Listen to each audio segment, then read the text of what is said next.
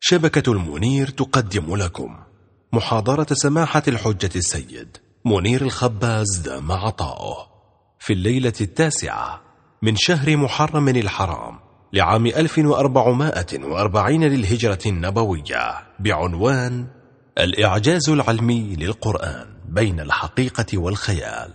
وذلك في جامع أهل البيت عليهم السلام بلوس أنجلوس الولايات المتحدة الأمريكية.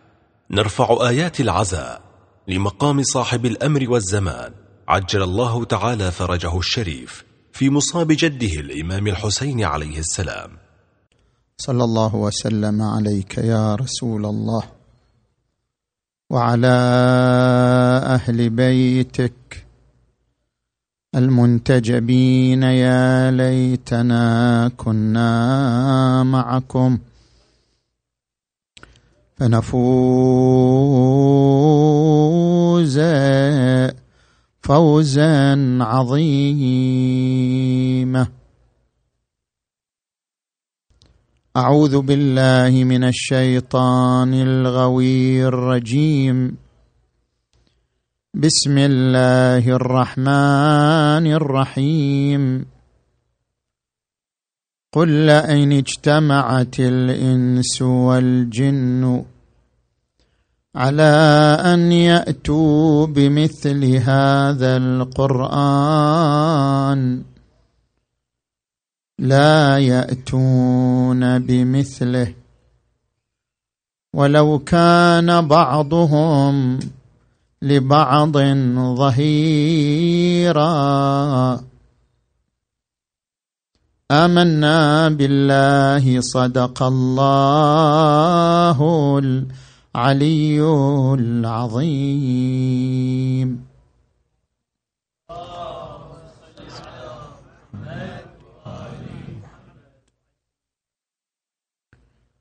القرآن الكريم في هذه الآية المباركة يتحدى المجتمع العقلاء من الإنس والجن. في أن يأتوا بمثل القرآن الكريم.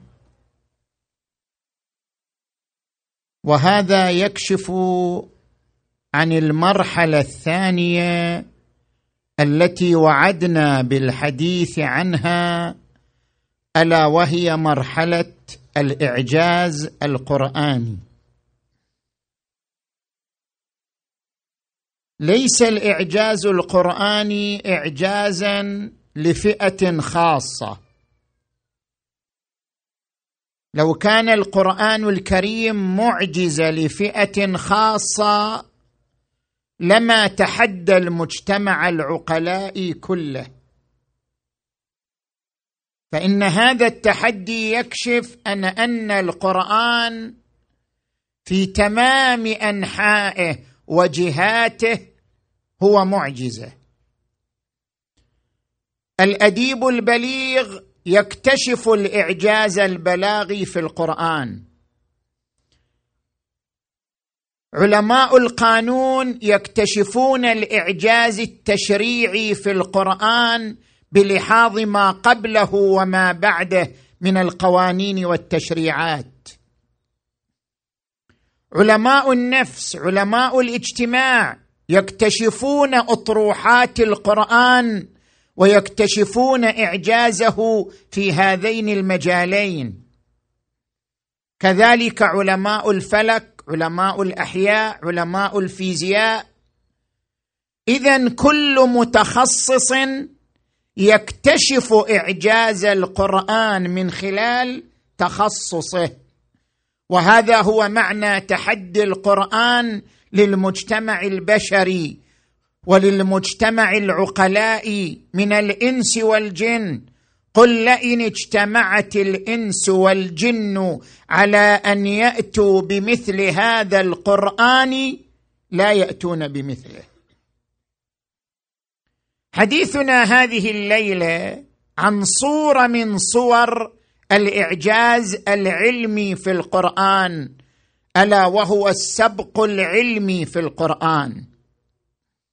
السبق العلمي للقرآن له ثلاثة عناوين إعجاز علمي وتفسير علمي وتحفيز علمي.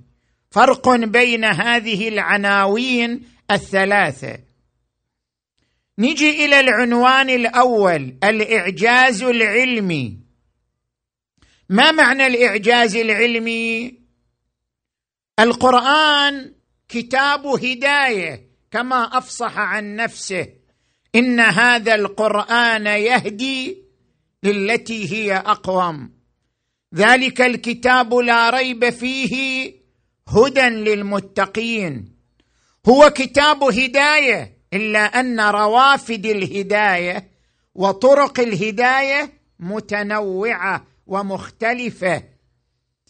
فتارة يقودنا إلى الهداية من خلال وصاياه الروحية من خلال تعاليمه النفسية.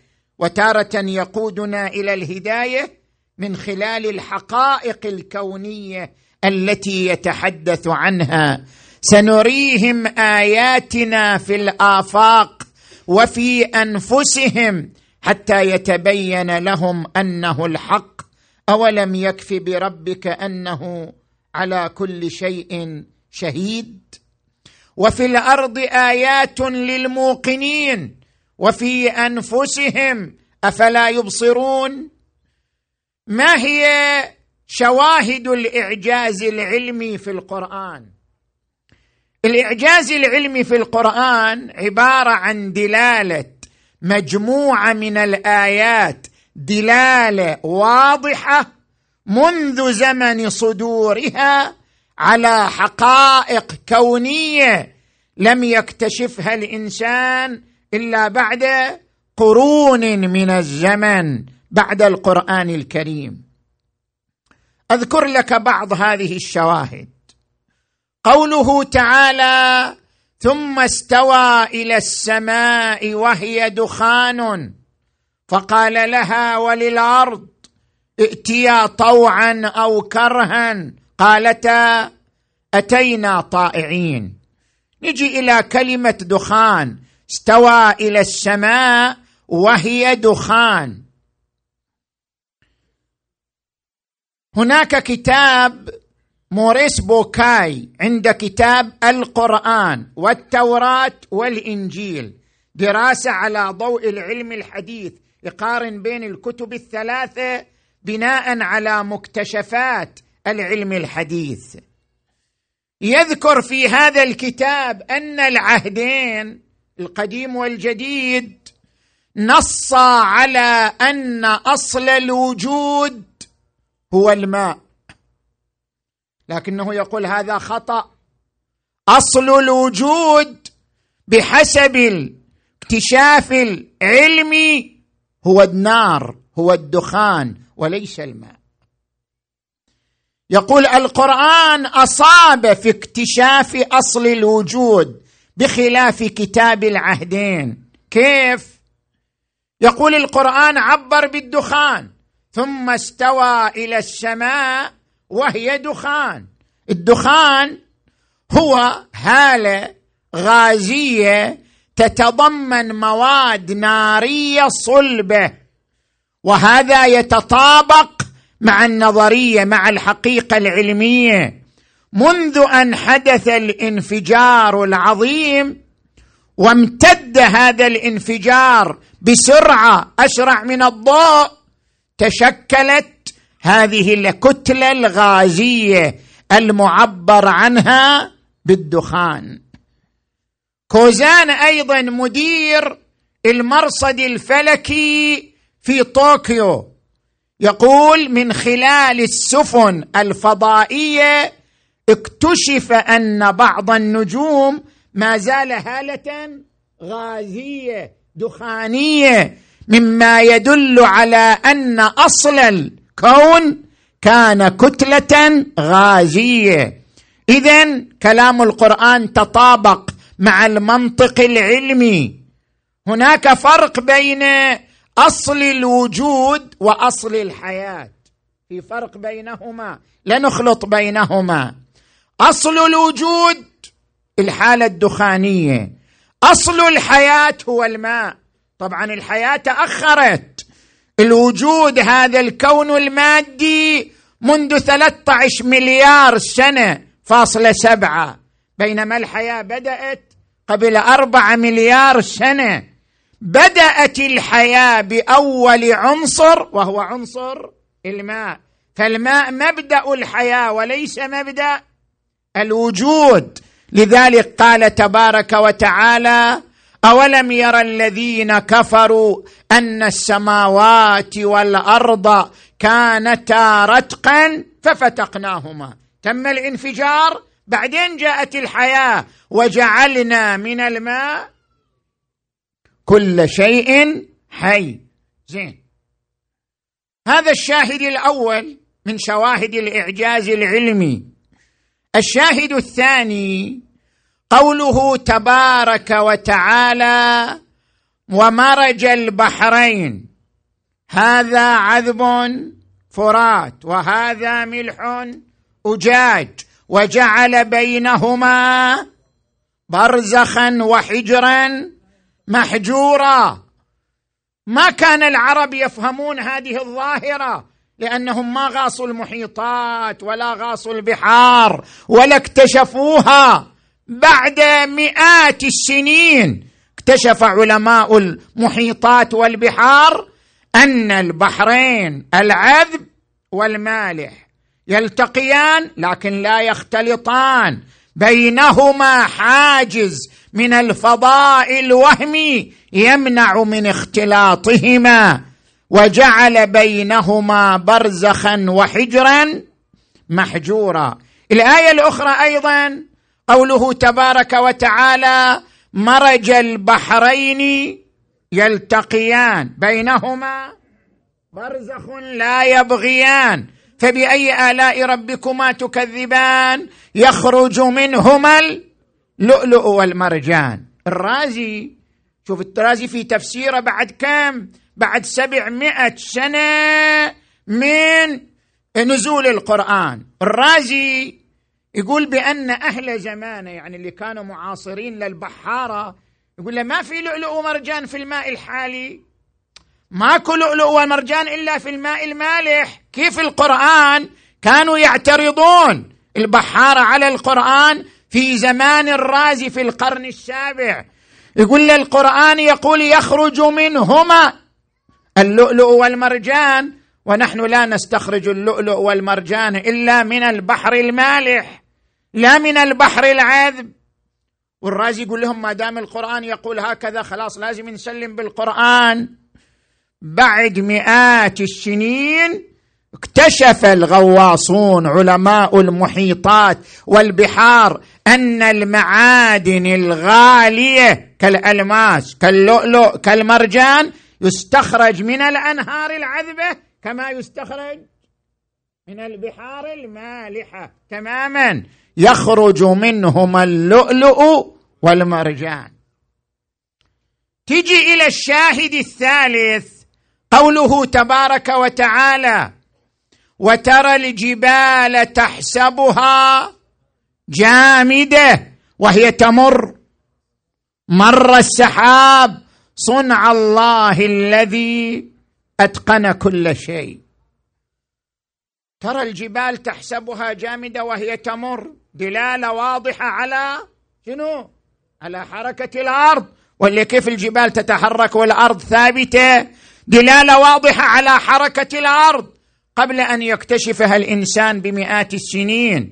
صحيح الآية التي قبلها تتحدث عن الآخرة ويوم ينفخ في الصور ففزع من في السماوات ومن في الأرض إلا من شاء الله وكل أتوه داخرين. ثم يقول وترى الجبال تحسبها جامدة واحد يظن أن الآية الثانية هم تتحدث عن الآخرة. هذا ليس صحيح. لأن ذيل الآية وهي قوله تعالى صنع الله الذي أتقن كل شيء. دليل على نظر الآية لعالم الدنيا.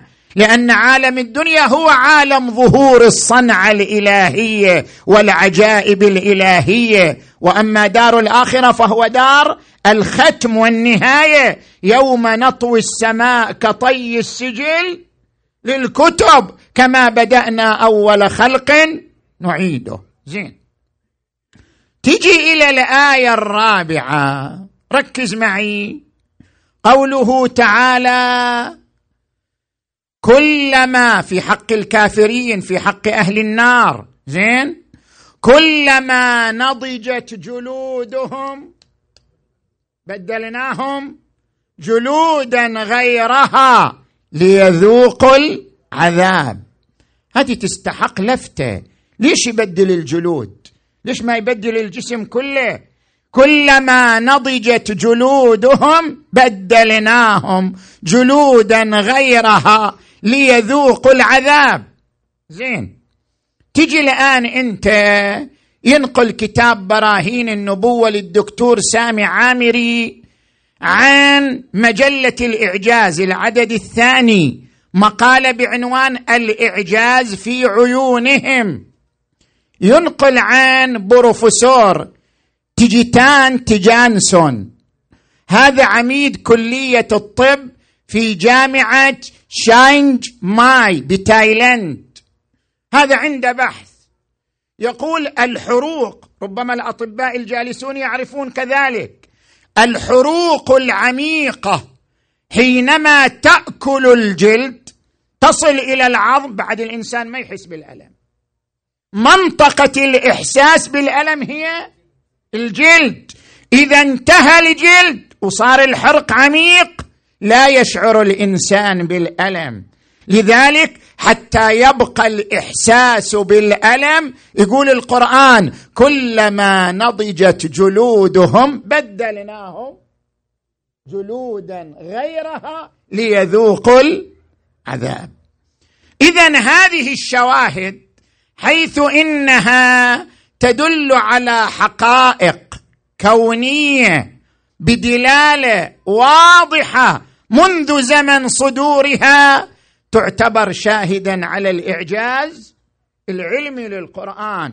فالقرآن مو فقط كتاب إعجاز بلاغي أو إعجاز تشريعي بل هو مظهر للإعجاز العلمي. وعندنا شروط ثلاثة للإعجاز العلمي. مو كل آية إحنا نعتبرها إعجاز علمي. دقق معي. الشرط الأول أن تكون دلالة الآية واضحة. ما تحتاج تكلف. ما نحتاج إننا نحمل الآية ما لا تحتمل. تكون الدلالة واضحة مثل ما ذكرنا الآيات السابقة. مثلا بعض العلماء يذكر هذه الآية. الذي جعل لكم الأرض مهدا. يقول هذا التعبير بالمهد دليل على حركة الأرض. لا الآية ما فيها دلالة واضحة. المهد كناية عن شنو؟ الراحة والاستقرار وليس كناية عن الحركة الدائرية حتى يدل على حركة الأرض. هذه الآية ما فيها دلالة واضحة حتى نعتبرها شاهدا على الإعجاز العلمي. زين؟ هذا الشرط الأول. الشرط الثاني أن تكون الآية دالة على حقيقة علمية مو نظرية علمية. لازم نفرق بين النظريات وبين الحقائق. لأن إحنا إذا أسقطنا النظريات العلمية على القرآن أضررنا بالقرآن نفسه. إذا نخلي القرآن كلما صدرت نظرية قلنا هذه موجودة في القرآن. طيب النظريات شنو؟ تتغير بمرور الزمن وبمقتضى التراكم المعرفي فإذا فسرنا القرآن بنظريات علمية وأسقطنا النظريات على القرآن ثم تغيرت النظرية فإما أن يكون الكذب من المفسر أو الكذب من القرآن وهذا يوهن إعجاز القرآن وعظمة القرآن. لذلك لا ينبغي أن نفسر القرآن بنظرية لابد أن تكون حقيقة علمية ثابتة حتى نستطيع أن نقول بأن الآية شاهد على الإعجاز العلمي في القرآن. خل أضرب لك مثال. عندما نقرأ قوله تعالى إنا كل شيء خلقناه بقدر وقال تبارك وتعالى وإن من شيء إلا عندنا خزائنه وما ننزله إلا بقدر معلوم. بعض المفسرين قال القدر هو عبارة عن نظرية الأوتار. تدري شنو نظرية الأوتار؟ عندك مجموعة من الأبعاد. النقطة موقع لا أبعاد فيه صح؟ بعدين يجينا الخط. الخط ذو بعد واحد. بعدين يجينا السطح. السطح ذو بعدين. بعدين يجينا المكعب ذو أبعاد ثلاثة.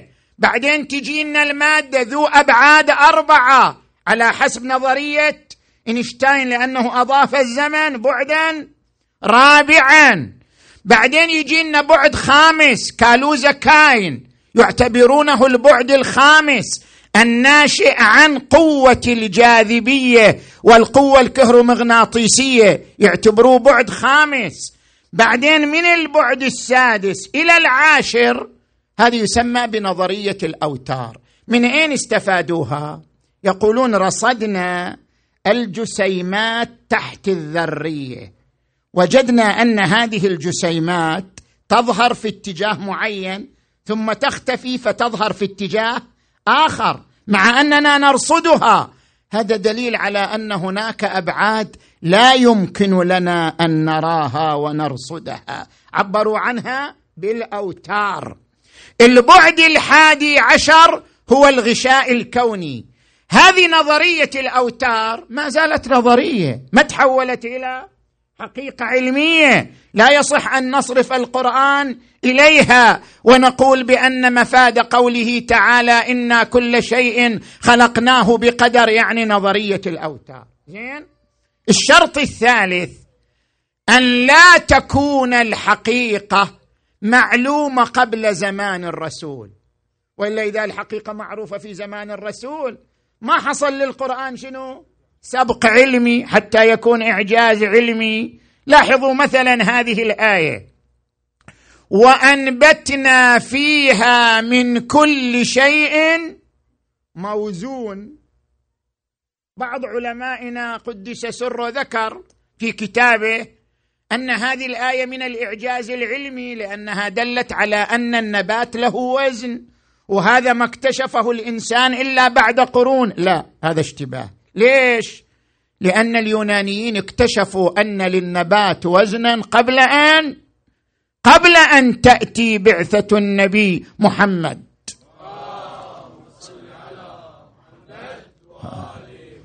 ترى اليونانيون سبقوا البشرية كلها. اليونانيون قبل ثلاثة آلاف سنة سبقوا المجتمع البشري. في مجال الفلسفة في مجال علم النفس في مجال علم الفلك في مجال علم الطب في علم النبات أيضا سبقوا البشرية وسجلوا أطروحاتهم ونظرياتهم. اذا لكل نبات وزن هذا سبقه اليونان قبل بعثة النبي. فما تعتبر هذه الآية شاهدا على الإعجاز العلمي. زين انتهينا الآن من العنوان الأول ألا وهو عنوان الإعجاز العلمي. نجي إلى العنوان الثاني التفسير العلمي. شنو الفرق بين هذا العنوان والعنوان السابق؟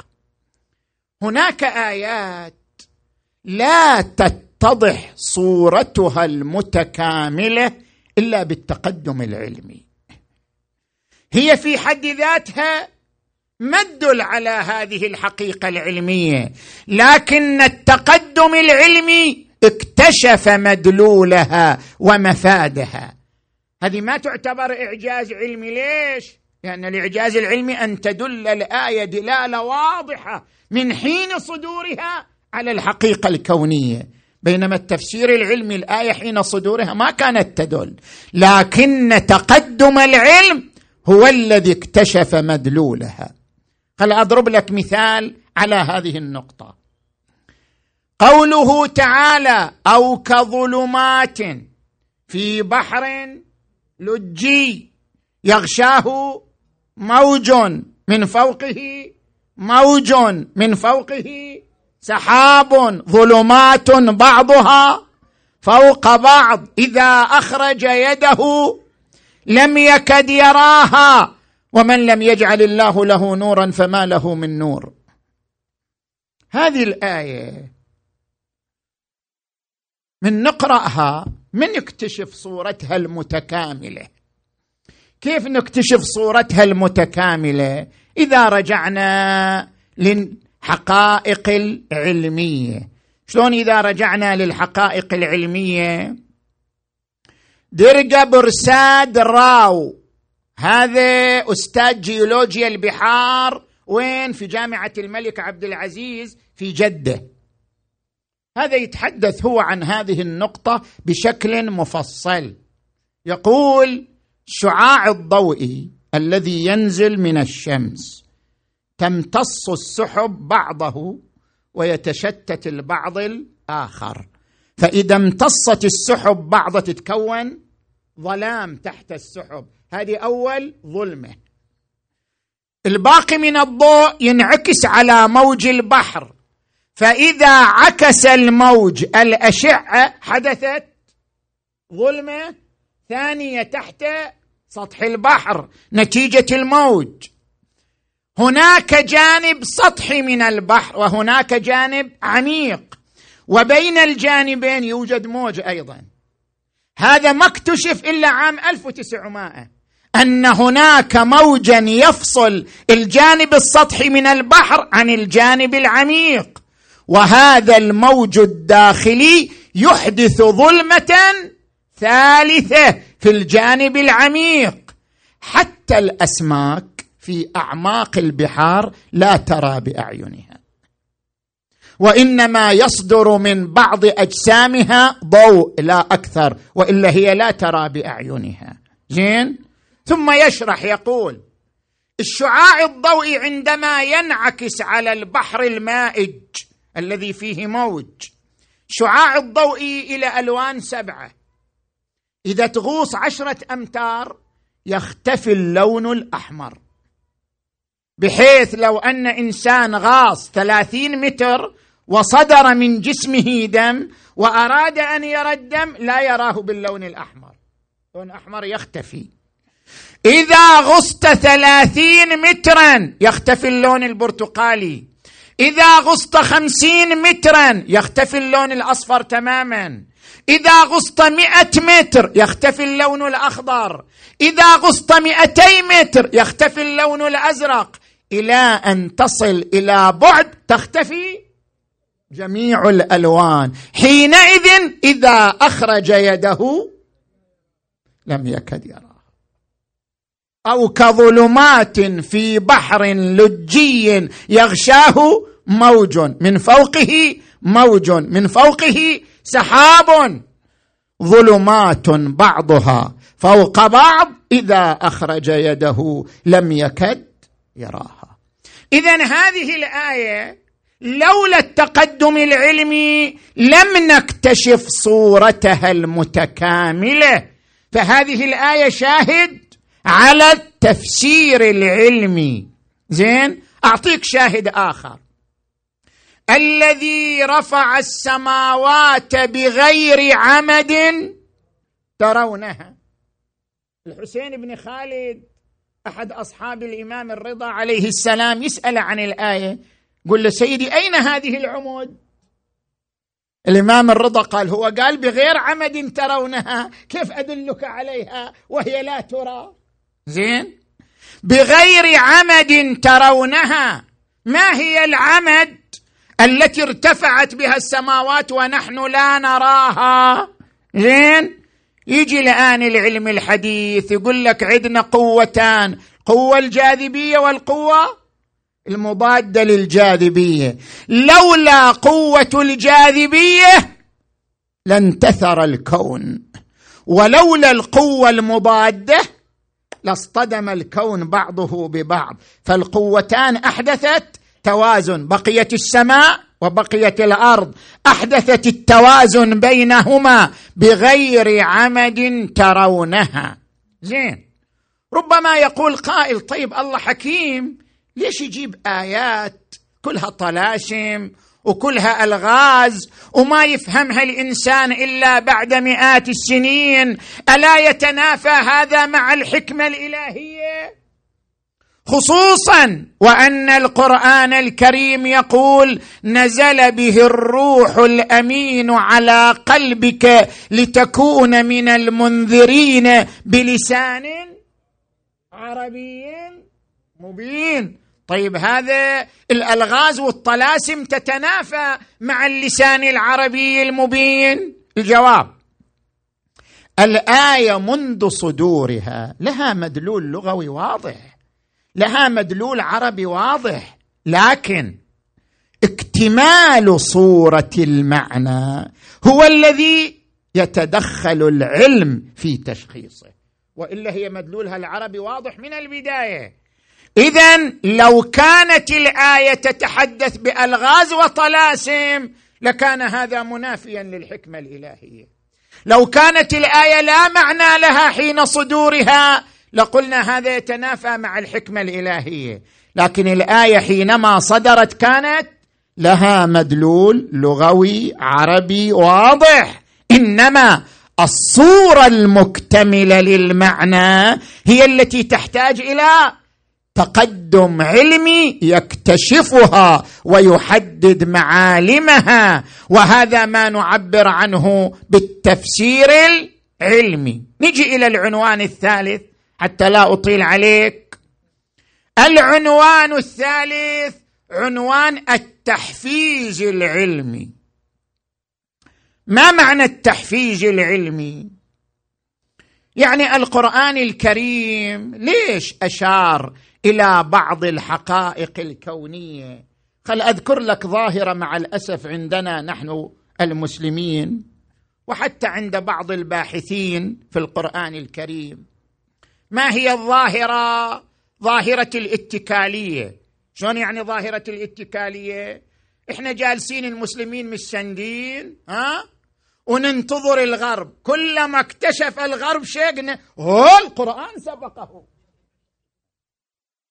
كلما الغرب توصل إلى مخترع قلنا آه القرآن من زمان تكلم عن هذا. تمسكا بقوله تعالى ونزلنا عليك الكتاب تبيانا لكل شيء وهدى ورحمة وبشرى للمسلمين. القرآن في كل شيء. وكل ما بيقول الغرب ترى في القرآن موجود. لا تدوخوا حالكم. زين؟ هذه الظاهرة خطيرة. هذه الظاهرة تخدر العقل الإسلامي. هذه الظاهرة تمني المجتمع الإسلامي بالاتكالية. يعني الغرب يتعب ويخترع ويكتشف. دور الغرب دور الاختراع. وإحنا دورنا دور التعليق. دورنا دور الاتكال. كلما اخترع الغرب شيئا علقنا القرآن من زمان قالها. هذه ظاهرة غير صحية ظاهرة مرضية. القرآن الكريم لم يذكر هذه الحقائق كي نتكل على الآخرين في اكتشافها. ذكر الحقائق وأرشد إليها وأشار إليها ليحفزنا على البحث ليحفزنا على العلم ليحفزنا على التفكير. ولذلك يقول علماؤنا خمسة وعشرين بالمئة من آيات القرآن الكريم آيات تخاطب وين؟ تخاطب العقل أفلا يعقلون أفلا يتفكرون. زين؟ سنريهم آياتنا في الآفاق. من نريهم؟ نري الغرب. سنريهم آياتنا. يعني المسلمون خل يتحركوا. خل هم يكتشفوا هذه الحقائق. مو ينتظروا الآخرين يكتشفوا هم يعلقوا بعدين. سبقكم القرآن. طيب ليش ما اكتشفتوها أنتم من الأول؟ سنريهم آياتنا في الآفاق وفي أنفسهم حتى يتبين لهم أنه الحق الذين يذكرون الله قياما وقعودا وعلى جنوبهم ويتفكرون في خلق السماوات والأرض. ربنا ما خلقت هذا باطلا سبحانك فقنا عذاب النار. القرآن مارس التحفيز العلمي يعني أرشد إلى حقائق كي يحفزنا على بحثها وفحصها والوصول إليها. شلون؟ أذكر لك الآن شاهد. اقرأ قوله تعالى فإذا برق البصر وخسف القمر وجمع الشمس والقمر يقول الإنسان يومئذ أين المفر؟ كلا لا وزر. زين. من نجي نتأمل الآية؟ نروح إلى كتاب كارل ساغان. عند كتاب النقطة الباهت النقطة الزرقاء الباهتة. شنو النقطة الزرقاء الباهتة؟ الأرض. هذه الأرض أنت من تصعد الفضاء. وتنظر إلى الأرض تشوفها شنو؟ نقطة زرقاء باهتة. ما تشكل في الكون ابدا. ولا ذرة غبار. نقطة زرقاء باهتة. هذه هي الأرض. زين؟ يذكر ساقان في كتابه. زين؟ يقول يوما ما توجد نهاية للشمس والأرض. ولو بعد أربعة مليار سنة. لازم ينتهوا. كيف ستنتهي الشمس والأرض؟ يقول الشمس ستتمدد. تتحول إلى كرة دائرية حمراء يعبر عنها بالعملاق الأحمر. نتيجة شنو؟ نتيجة أنه تتحول أنوية ذرات الهيدروجين الموجودة في باطن الشمس إلى الهليوم. إذا تحولت إلى ذلك بسبب الاندماج النووي تتحول الشمس إلى عملاق أحمر يبتلع ما حوله. فتبتلع عطارد تبتلع الزهرة ثم تقترب من الأرض وتنسف الغلاف الجوي من الأرض وتجفف مياه الأرض. إلى أن تبتلع الأرض.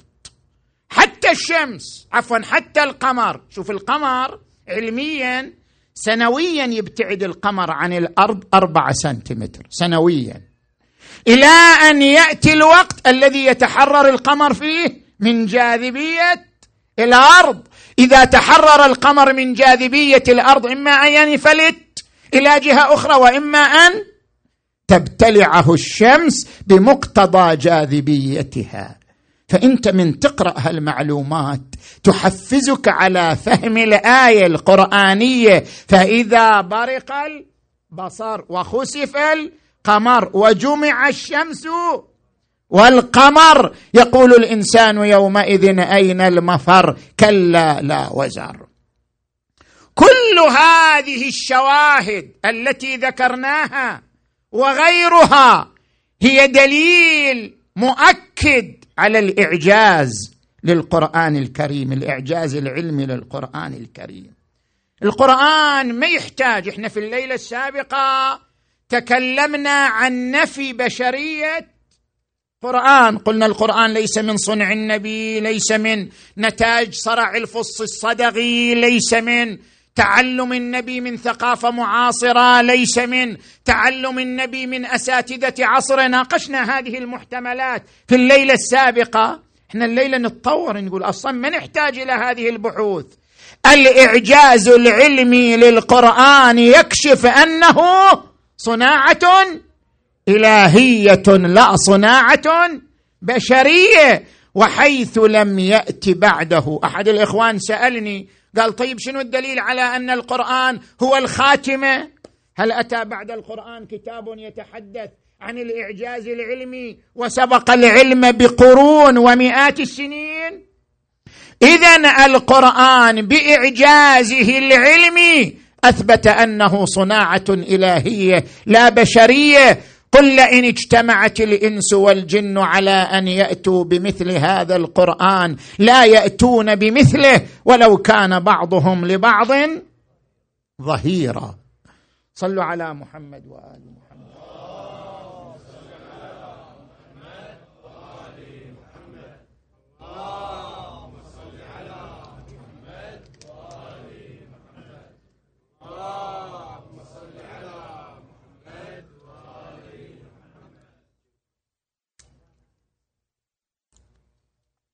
وكل ذلك انطلاق من قوم من كون القرآن كتاب هداية.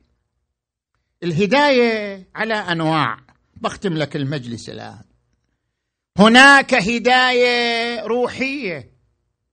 كما في قول القرآن الكريم فأقم الصلاة لذكري. هذه هداية روحية يرشدك إلى الطريق الذي يجعل الله حاضرا في قلبك ووجدانك. أقم الصلاة لذكري. إن الصلاة تنهى عن الفحشاء والمنكر. وهناك هداية نفسية. قرآن سبق علم النفس وذكر أقسام النفس. النفس الأمارة. وما أبرئ نفسي. إن النفس لأمارة بالسوء. النفس اللوامة. الضمير. لا أقسم بيوم القيامة ولا أقسم بالنفس اللوامة. النفس العاقلة. يا أيتها النفس المطمئنة ارجعي إلى ربك راضية مرضية. زين. وهناك هداية ذكرها القرآن. هداية تاريخية. حيث ذكر لنا قصة البشرية من يوم آدم إلى يوم النبي محمد.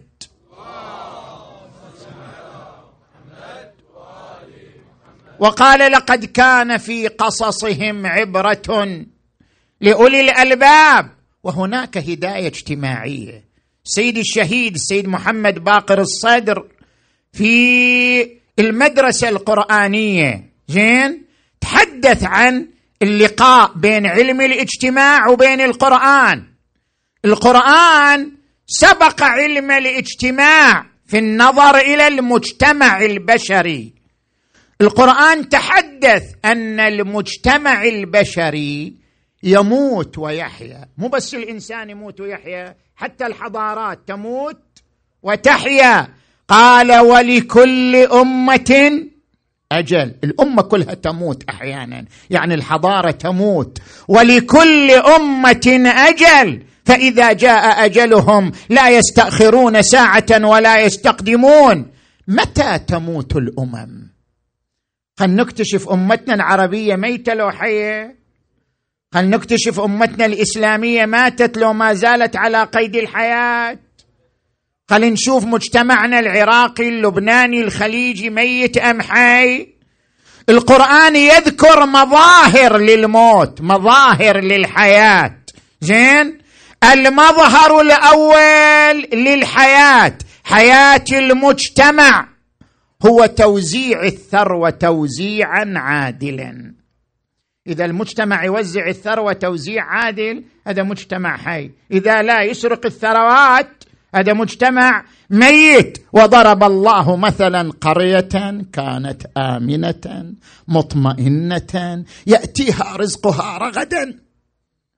نفط زراعة ومياه يأتيها رزقها رغدا من كل مكان فكفرت بأنعم الله تلاعبت بالثروة فكفرت بأنعم الله فأذاقها الله لباس الجوع والخوف بما كانوا يصنعون. هذا العامل الأول لموت المجتمع لموت الأمة تلاعب بالثروات. العامل الثاني ألا وهو التناحر والاختلاف. الكل يضرب بعض الآخر. ولا تنازعوا فتفشلوا وتذهب ريحكم وتعاونوا على البر والتقوى. ولا تعاونوا على الإثم والعدوان. الصراع عامل فتاك. في بقاء المجتمع حيا. الصراع يقتل الأمة مهما كان عندها من حضارة مهما كان عندها من عقول مهما كان عندها من قوة خلاقة تموت لأنها تعيش صراعا داميا. زين؟ العامل الثالث عدم قراءة التجارب. أنت شايف مجتمع عربي يقرأ تجاربه؟ ابدا. كل ما يمر عقد ينساه. ويبدأ من جديد. المجتمع العربي لا يقرأ تجربته. لذلك لا يستفيد من تجاربه السابقة. القران يقول أولم يسيروا في الأرض فينظروا كيف كان عاقبة الذين من قبلهم. ليش ما يستفيدوا من التجارب؟ تجارب الأمم السابقة تجارب العهود السابقة. اذا عدم الاستفادة من التجربة منشأ لموت الأمة العامل الرابع والأخير. عدم الاتكاء على العناصر الشابه ترى القرآن يركز على ضرورة الاعتماد على العنصر الشاب. القوة الشابه هي القوة القادرة على البناء هي القوة القادرة على العطاء. هي القوة القادرة على أن تتحدى الأعاصير. لأن هذا العمر العمر الشبابي هو العمر الذي يمتلك الحماس والمبادرة ويمتلك القدرة على التكيف مع الأفكار والمشاريع. لذلك أي دولة ما تعتمد على العنصر الشاب أي مؤسسة ما تعتمد على العنصر الشاب أي مركز ما يعتمد على العنصر الشاب يفشل. العنصر الشبابي هو من يمتلك روح الحماس هو من يمتلك روح المبادرة هو من يمتلك القدرة على التكيف وتقبل المشاريع وتجسيدها وتنفيذها. لاحظوا القرآن الكريم ماذا يقول في قوم نوح؟ قوم نوح قالوا إلى نوح؟ ما نراك اتبعك إلا الذين هم أراذلنا بادي الرأي. ما شفنا إحنا أحد اتبعك من الكبار؟ ما شفنا أحد اتبعك من الشخصيات؟ زين من الوجهاء؟ الذين اتبعوك كلهم شباب صغار زين وفقراء. ما نراك اتبعك إلا الذين هم أراذلنا. بادي الرأي. يعني توهم يفكروا بادي الرأي. وما نرى لكم علينا من فاضل بل نظنكم كاذبين. اذا القرآن بهذا يكشف لنا أن الفئة التي ناصرت الأنبياء هي فئه الشباب اللي حملت على عاتقها حركة الأنبياء وحركة الأئمة هم فئة الشباب. انظر إلى حركة كربلاء. انظر إلى حركة الحسين. حركة الحسين شارك فيها شيوخ لكن الطبقة الكثيرة فيها هي عنصر الشباب في طليعتهم علي بن الحسين. علي الأكبر ولد الحسين الأكبر. هذا الولد وهذا الشاب العظيم. هذا الشاب هو الذي له زيارة خاصة. متى ما تزور الحسين اليه زيارة خاصة من بين الأنصار كلهم. من بين كل الأنصار تجد لعلي بن الحسين زيارة خاصة. السلام عليك أيها الشهيد ابن الشهيد. سلام عليك أيها المظلوم ابن المظلوم. زيارة خاصة لعلي بن الحسين الأكبر. لماذا؟ لما له من عظمة في مجال الجهاد. كان الحسين يسير إلى كربلاء فخفقت عيناه. فوعى من خفقته. قال إنا لله وإنا إليه راجعون.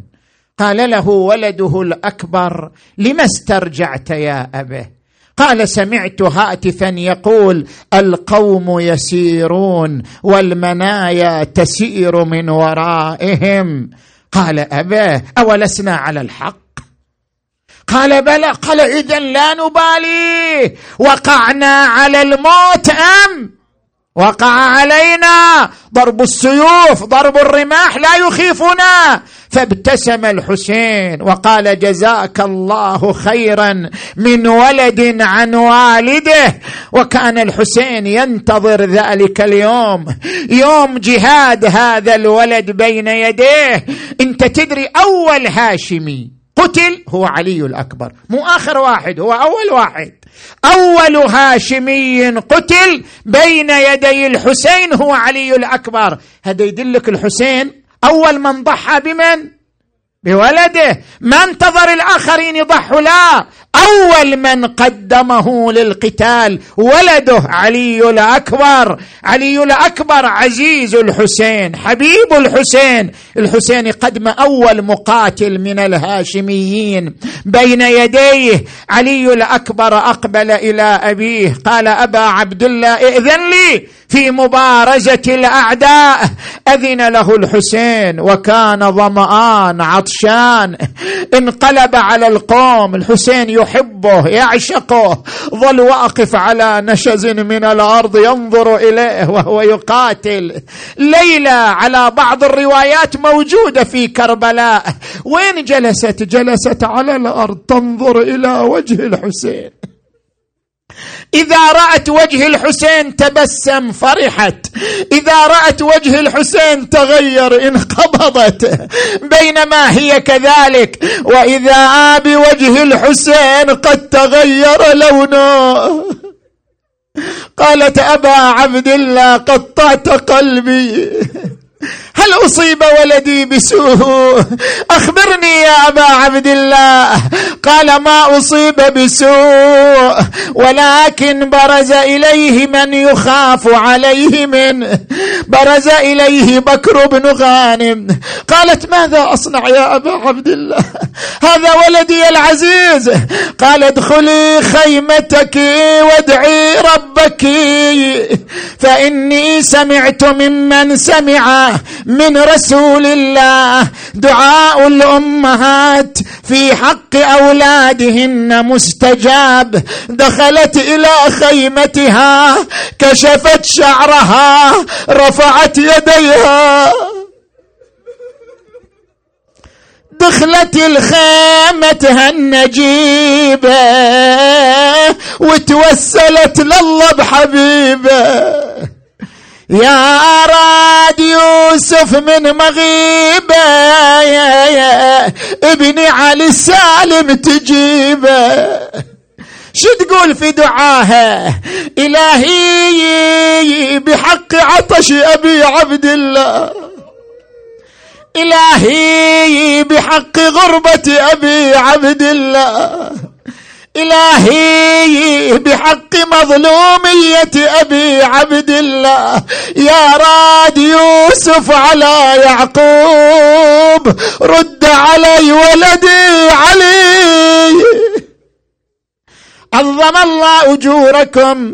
ما هي إلا دقائق حتى صرع علي الأكبر بكر بن غانم ورجع إلى أبيه في الخيام. وقف على رأس والده. صيد الملوك أرانب وثعالب. وإذا برزت فصيدي الأبطال. ماذا تريد يا بني؟ شو تريد مني الجائزة؟ يقول له شلون؟ يا بويا قطرة ماي الكبدي عطشان الولد ها. عطشان الشاب العزيز. يا بويا قطرة ماي الكبدي اتقوى واريد للميدان وحدي. يا ابويا انفطر قلبي وحق جدي. عطش والشمس والميدان والحر. شي جاوب الحسين بالله؟ يقول له منين أجيب الماء يا ابني؟ ما هو حاجيك بغض حالي وشعبني. يقول بعض الرواة نظر إليه بلسانه فإذا هو كالخشبة اليابسة. قال بني علي أنا عطشان وأنت عطشان فانتظر حتى تلقى جدك رسول الله. فيسقيك شربة من الماء لا تظمأ بعدها أبدا. ثم قال أبا إذن إذن لي أن أعود إلى المعركة. قال نعم ولكن ادخل على أمك ليلى. أقبل الشباب الغالي ها؟ دخل على الحزينة ليلى وعت من غشوتها كأني أشم رائحة ولدي علي. قال بلى أنا ولدك. فضمته إلى صدرها. وإذا بالصوت من خارج الخيمة أمام الناصر ينصرنا. أما يا من ذاب يذب عن آل بيت رسول الله. قال أما لا أطيق سماع صوت الحسين. أما إذني لي أن أخرج. قالت إذا اذهب وأقبل وأدبر حتى أتزود من مشية ولدي. صار كلما أقبل ضمته إلى صدرها إلى أن خرج من الخيمة وإذا بالحسين ينادي أخي زينب أم كلثوم سكينة ليلى قوموا وودعوا الشباب فهذه آخر اللقاء خرجنا النساء من الخيمة هذه تضمه هذه تشمه هذه تقول في أمان الله. هذه تقول في داعة الله. أقبلت إليه العقيلة زينب فضمته إلى صدرها. نادت ولدي علي أبلغ أمي فاطمة الزهراء عني السلام وقل إن زينب غريبة وحيدة. بأرض كربلاء عظم الله أجوركم. فلما حان وداع ابيه ضمه الحسين إلى صدره. الحسين يبكي والأكبر يبكي. فلما مشى إلى المعركة رفع الحسين شيبته إلى السماء. قال اللهم اشهد عليهم أنه برز إليهم غلام أشبه الناس بنبيك محمد وأنا كلما اشتقنا لرؤية نبيك نظرنا إليه عظم الله أجوركم. انقلب الشباب إلى المعركة. أنا علي بن الحسين بن علي. نحن وبيت الله أولى بالنبي. أضربكم بالسيف أحمي عن أبي. ضرب غلام هاشم هاشمي علوي. تالله لا يحكم فينا ابن الدعي. دخل في أوساطهم خرج من أعقابهم. قال منقذ ابن مرة العبد علي آثام العرب. لئن مر بي الغلام لأفجعن أمه وأباه فيه. يا الله! يا رسول الله فلما مر به الغلام حمل عليه بالسيف فضربه بالسيف على رأسه. خر يخور في دمه وأمسك بالفرس وهو يظن أن الفرس تأخذه للخيمة لكن الفرس أخذته للأعداء فاجتمعوا عليه هذا يقطع بسيفه وريده. وهذا بالخناجر فصل ايده وهذا يغط من رمح الحديد. هذا يضربه وهذا يطعنه حتى قطعوه إربا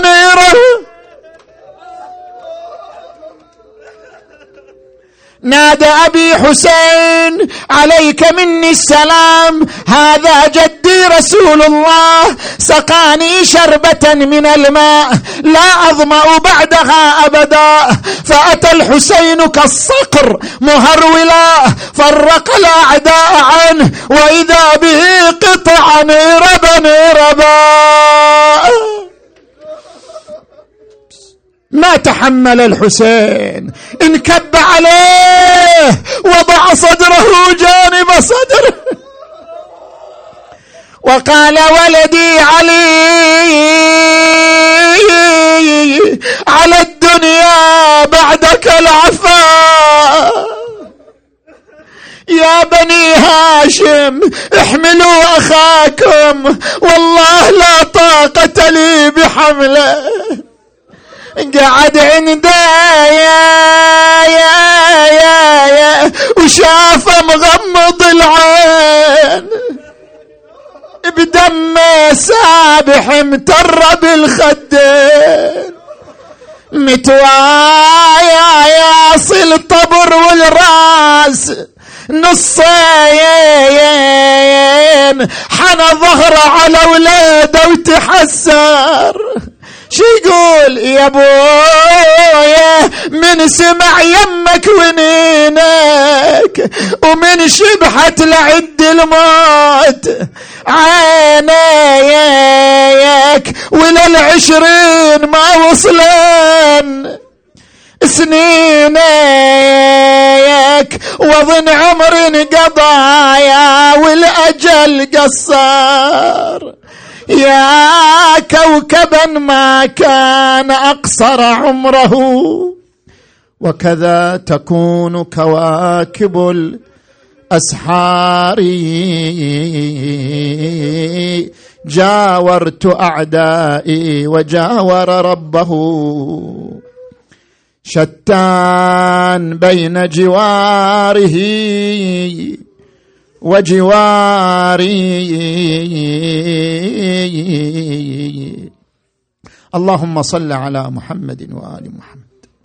الليلة ليلة الدعاء. ليلة علي الأكبر. ليلة هذا الشاب العظيم. كلنا نتوسل بالحسين وأبناء الحسين. اللهم صل على محمد وآل محمد. اللهم إنا نسألك بالحسين الوجيه. وجده وأبيه وأمه وأخيه والتسعة من بنيه. اللهم إنا نسألك بعلي بن الحسين الأكبر. اللهم اغفر ذنوبنا واستر عيوبنا وكفر عنا سيئاتنا وتوفنا مع الأبرار. اللهم اشف مرضانا ومرضى المؤمنين والمؤمنات واقض حوائجنا وحوائج المؤمنين والمؤمنات. اللهم انصر إخواننا المؤمنين في كل مكان يا أرحم الراحمين. الدعاء لولي الأمر. اللهم صل على محمد وآل محمد اللهم كن لوليك الحجة ابن الحسن صلواتك عليه وعلى آبائه في هذه وفي كل وليا وقائدا ودليلا حتى تسكنه أرضك طوعا وتمتعه فيها طويلا. برحمتك يا أرحم الراحمين. وإلى أرواح أموات المؤسسين والمؤمنين والمؤمنات الفاتحة تسبقها الصلوات.